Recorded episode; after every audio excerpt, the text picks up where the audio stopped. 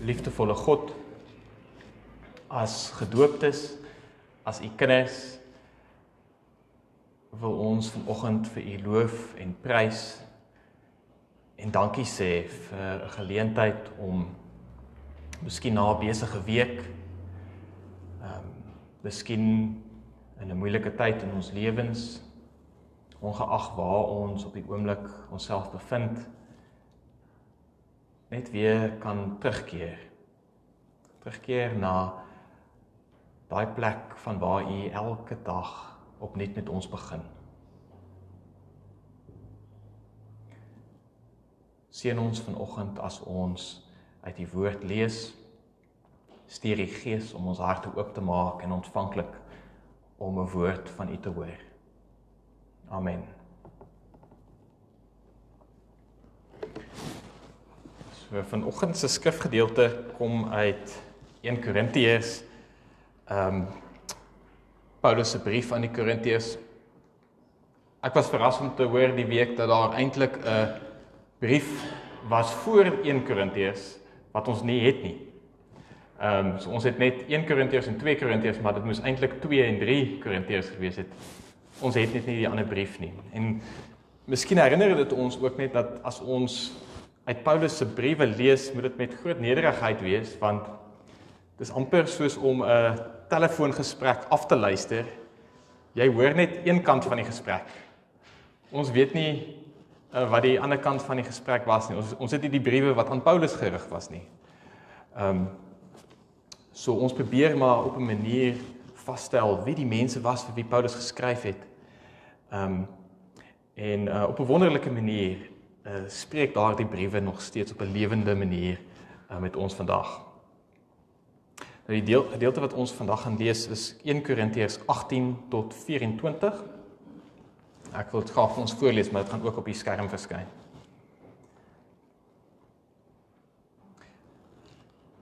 Die boodskap van die kruis is immers dwaasheid vir diegene wat verlore gaan, maar vir ons wat verlos word, is dit die krag van God. Want daar staan geskryf: Ek sal die wysheid van die wyses tot nut maak en die insig van die verstandiges verwerp. Waar is die wyse man? Waar die skrifkenner? Waar die redevoerder van hierdie wêreld? Het God dan nie die wysheid van die wêreld dwaasheid laat word nie? Trouwens, deur die wysheid van God het die wêreld hom nie deur hulle wysheid leer ken nie. God het verkies om hulle wat glo te verlos deur die dwaasheid van die verkondiging. En hier verwys Paulus na die dwaasheid van die boodskap wat hy die eerste keer na hulle gebring het. Dat hulle verlossing kom deur Jesus wat aan 'n kruis doodgegaan het.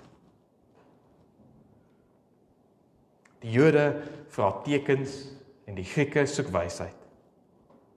Ons egter verkondig 'n gekruisigde Christus. Vir die Jode is dit 'n struikelblok en vir die nie-Jode is dit dwaasheid. Maar vir diegene wat geroep is, Jode sowel as Grieke, is Christus die krag van God en die wysheid van God.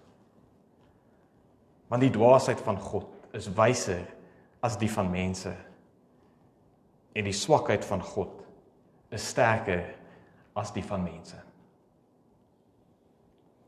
Die woord van God.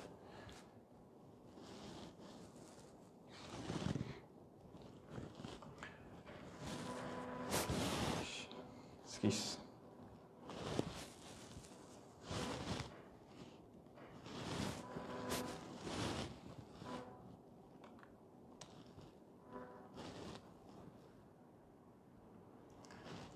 Hooplik gaan dit nou beter gaan. Kom ons kyk.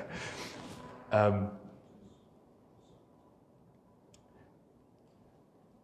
Toe ek vroeër met die kinders gepraat het oor die kruis, dis altyd moeilik. Want dit is so 'n harde, lelike werklikheid. Die Romeine het die kruis gebruik om rebelle en kriminele op die wreedste manier denkbaar te straf maar ook om 'n baie duidelike boodskap uit te stuur.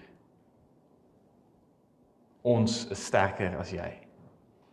Ons is sterker as julle. Moenie met ons mors nie. Dit was 'n genadeloose manier om te sterf. En die wat aan 'n kruis gehang het, het stadig maar seker voor 'n gehoor van toeskouers versmoor.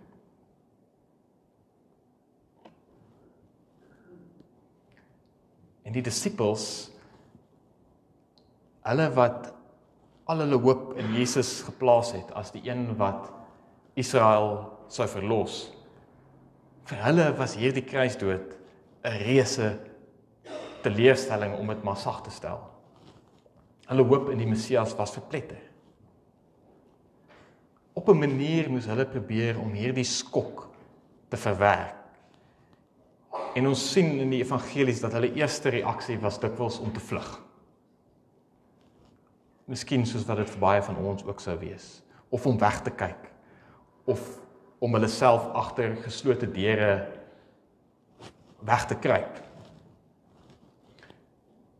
Maar met die tyd in die kragveld van die opstanding dit wat lelike dinge mooi maak het hulle die vrae gevra wat Annabel vanoggend gevra het. Hoekom? Hoekom het Jesus aan die kruis gesterf? Hoe kan dit wees dat God se gesalfde so onskuldig aan 'n kruis sterf? Paulus het met hierdie vraag geworstel op 'n intense manier. En in die worsteling eintlik teen sy beter wete, ons hoor iets daarvan in hierdie teks. Het hy ontdek dat dit vir hom 'n beeld geword het, maar meer as 'n beeld, 'n werklikheid van sy eie verlossing en van 'n tipe versoening tussen God en mense, maar ook tussen mense. Die kruis het vir hom gewys dat God weggedoen het met al die standaarde van hierdie wêreld. Die kruis het vir hom en vir die eerste Christene 'n ander wêreld kom wys. 'n Wêreld van genade. In die verdeelde gemeenskap waarin waarin Paulus hier geskryf het in Korintiërs, ag Korinte, was dit die enigste basis wat hy kon vind vir gemeenskap vir vrede vir eenheid. En ons as jy die res van die brief lees dan hoor jy hoe hy vir hulle probeer sê julle prestasies, julle status, dit is nie meer van belang nie. Die kruis van Jesus trek 'n kruis deur ons eie pogings om onsself volgens ons eie standaarde of wêreldse standaarde te probeer regverdig. Al wat van nou af belangrik is, is God se onverwaarlike liefde. 'n Liefde wat jou omhels. Ja, selfs met alles wat aaklig en sondig en onvolmaak in jou is. En so het die kruis vir Paulus op 'n ironiese manier 'n teken geword van 'n genade wat jou vrymaak van die druk om te perform of die verlange om 'n goeie indruk te maak op ander. 'n Genade wat jou ook vrygemaak het vir ander. Sodat jy daar kon wees vir ander op 'n manier wat miskien voorheen onmoontlik was. Nou elkeen van die evangeliste Paulus se briewe is heel eerste geskryf in die Nuwe Testament. Die evangelies het later gekom. Hy gaan ander betekenis aan die kruis. Vir Matteus was dit 'n simbool van Jesus se magteloosheid. Jesus volgens hom is 'n sagmoedige profeet wat geen belang in mag het nie. Wat eerder sal ly en self sterf as om self die swaard op te neem, as om self geweld te pleeg.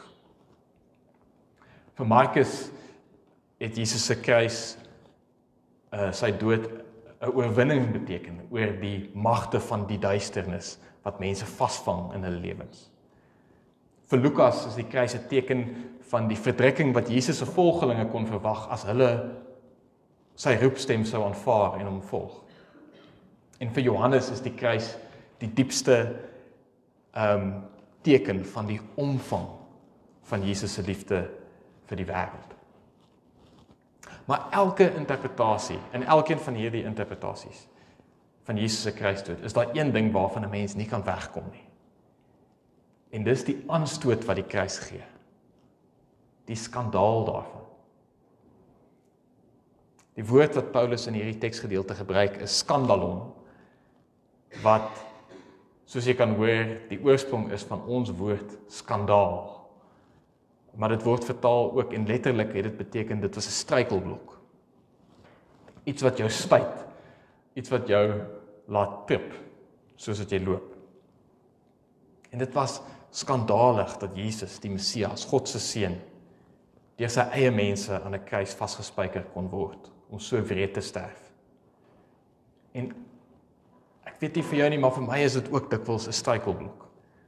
Dis iets wat my beeld van God uitdaag. In die kruis sien ons nie soos wat dit dikwels uitgebeeld word of dikwels aan ons verkondig word 'n God wat op 'n aggressiewe en bloeddorstige manier gevoelloos vereis het dat sy seun moet sterf as 'n tipe boete vir ons sondes nie. Inteendeel, ek dink ons sien eintlik die teenoorgestelde. Ons sien 'n God wat saam met ons lê. 'n God wat in ons pyn intree om dit met deernis saam met ons te dra tot die einde toe om dit so in ons lewens te vervorm, te hervorm.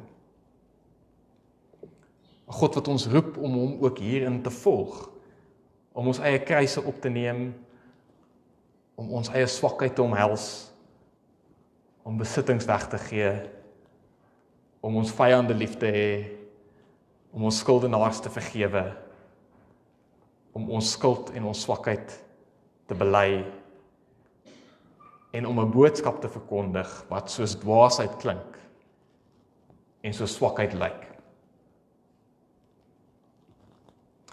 Vanuit 'n wêreldse manier van kyk gee die kruis aanstoot. Is dit 'n teken van swakheid en dwaasheid en iets om eintlik van weg te vlug. Iets om van weg te kyk. Maar vanuit 'n ander perspektief 'n perspektief wat randfigure dikwels beter raak sien en beter verstaan as ons wat in die sentrum is.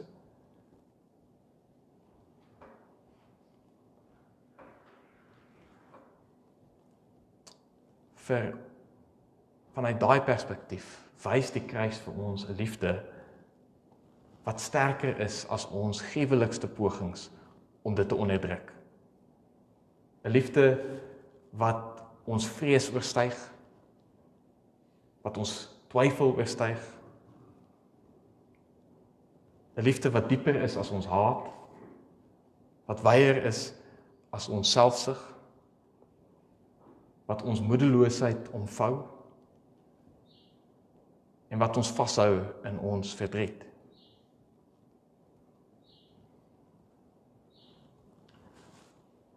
Nou ek wil graag vir ons 'n storie vertel. Want ek ek het nou probeer om 'n beskrywing te gee van hoe ek dink die Bybelse skrywers vir ons vertel van die kruis en die betekenis daarvan. Maar ek wil 'n storie vertel uit ons eie konteks wat ek dink vir ons iets illustreer van die krag en die wysheid van die kruis in werking. Hier Dis 'n storie wat Andries Odendaal uh, vir my vertel het. Ehm um, en uh, dit het 'n paar keer hierdie week op 'n ehm um, vreemde manier na my toe gekom. Hy is 'n vredeswerker wat dikwels ehm um, bemiddel fasiliteeringswerk doen in gemeenskappe waar daar konflik is, waar daar verdeeldheid is.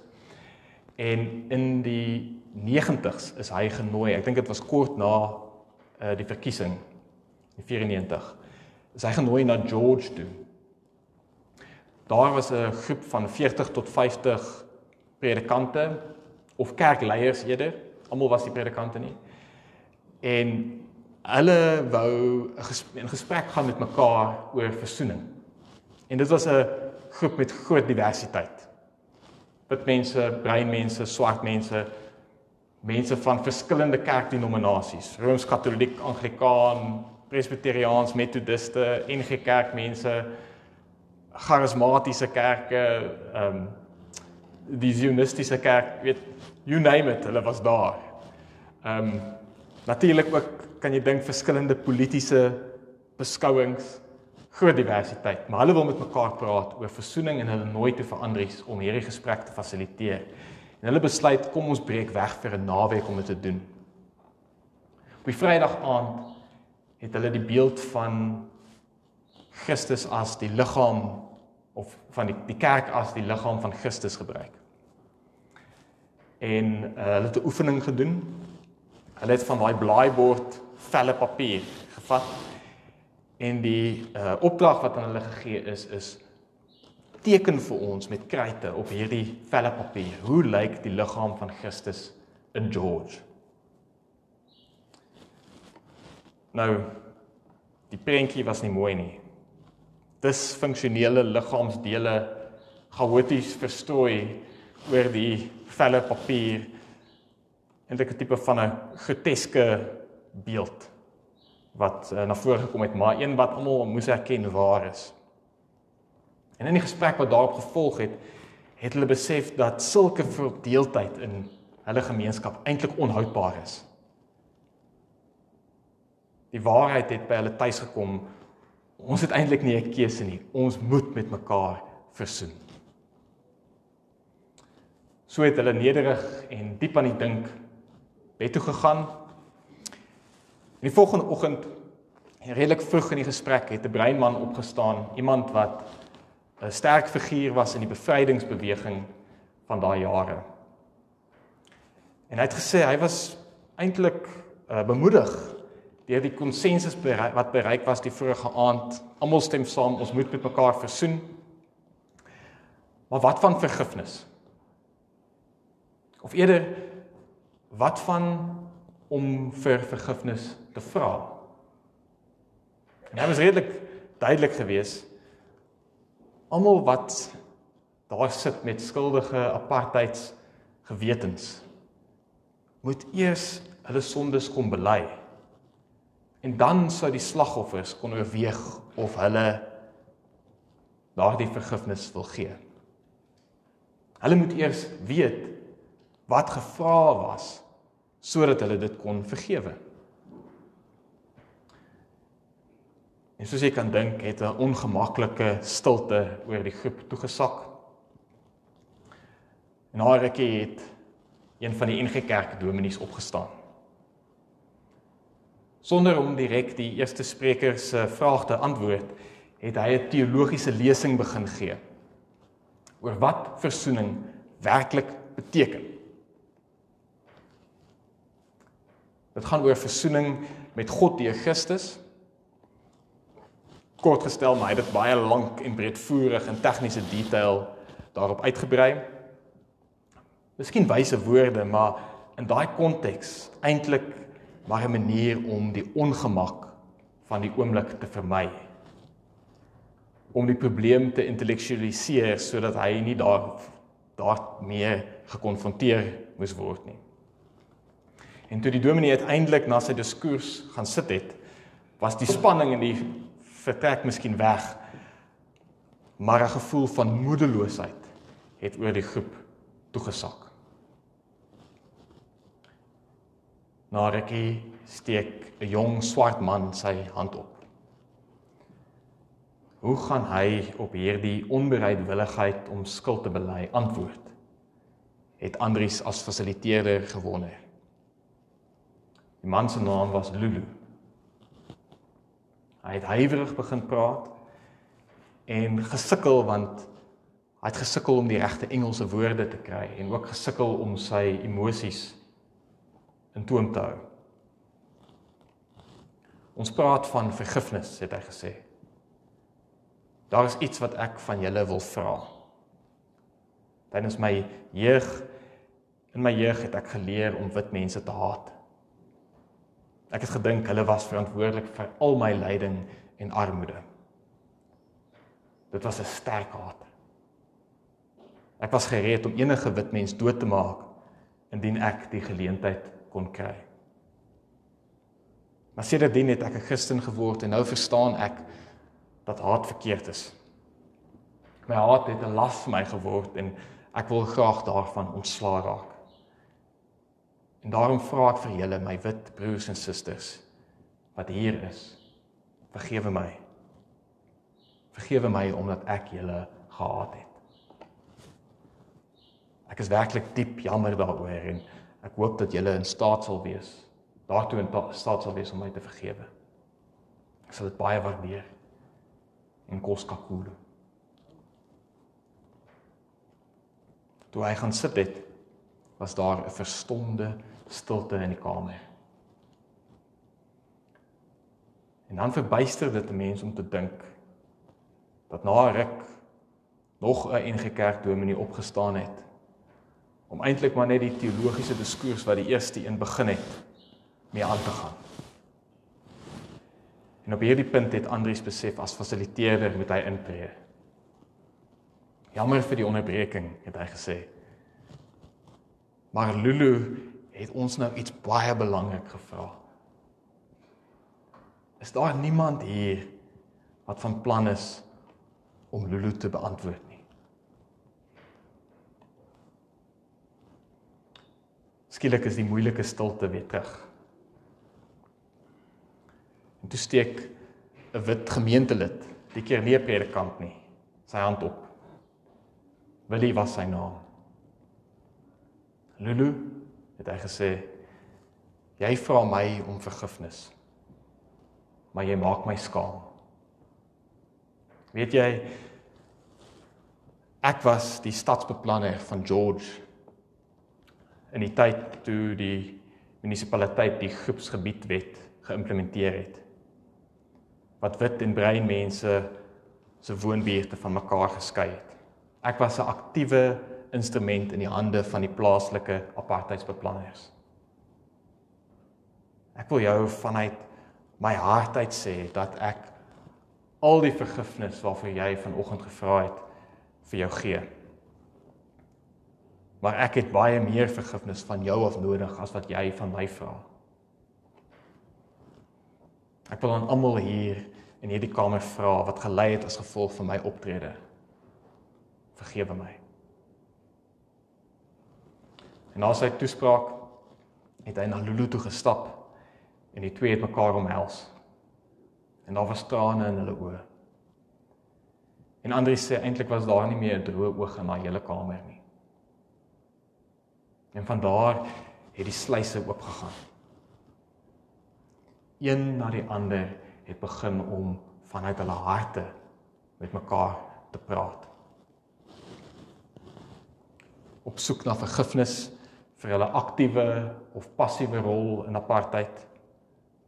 Op soek na vergifnis vir hulle onwilligheid om te vergewe of vir hulle vashou aan van die gemakke wat hulle geniet as slagoffers.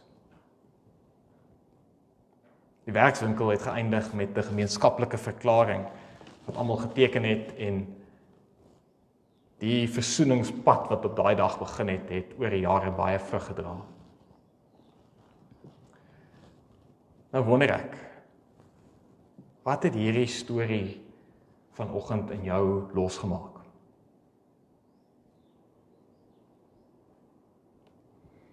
In sigself is dit eintlik so 'n kragtige storie dat ek nie eintlik veel meer daaroor hoef te sê nie. Maar as ek dit vanoggend deel, dan is dit omdat dit vir my iets uitbeeld van wat Paulus bedoel het as toe hy gepraat het van die krag en die wysheid van die kruis. Dan sy eenvoud in sy gebroke Engels het Lulu 'n wysheid in die gesprek ingebring wat die wyse manne se redevoering voerings eintlik blootgelê het as dwaasheid. 'n beliggaamde wysheid. 'n taal van die hart. En in sy bereidwilligheid om homself kwesbaar te maak deur sy swakheid, deur sy trane, het Lulu 'n krag in die gesprek losgelaat wat die skanse van al die sterk manne oopgebreek het. Wat hulle ontwapen het. Wat vir hulle die moed gegee het om self ook so eerlik en so broos soos Lulu te wees. Soos Willie. En boet bied Lulu en Willie se getuienis nie vir ons 'n ongelooflike voorbeeld van hoe die krag beide wysheid die kruis beide wysheid en krag is en hoe dit in aksie lyk en hoe dit in aksie sou kon lyk in ons eie lewens en in ons eie samelewing vandag nie. So die vraag wat ek vanoggend wil stel en mee wil afsluit waarmee ek jou wil uitnooi om nou in gebed te tree en stilte jy kan vorentoe kom en jou hand in die doopfont kom steek. Miskien die teken van die kruis maak wat ek vroeër vir die kinders geleer het. 'n Gebedskers kom aansteek. Waartoe roep Lulu en Willie se getuienis jou toe vanoggend? Waartoe roep dit jou op? Wat wys dit vir jou van die wysheid en die krag van die kruis wat ook vir jou daar is?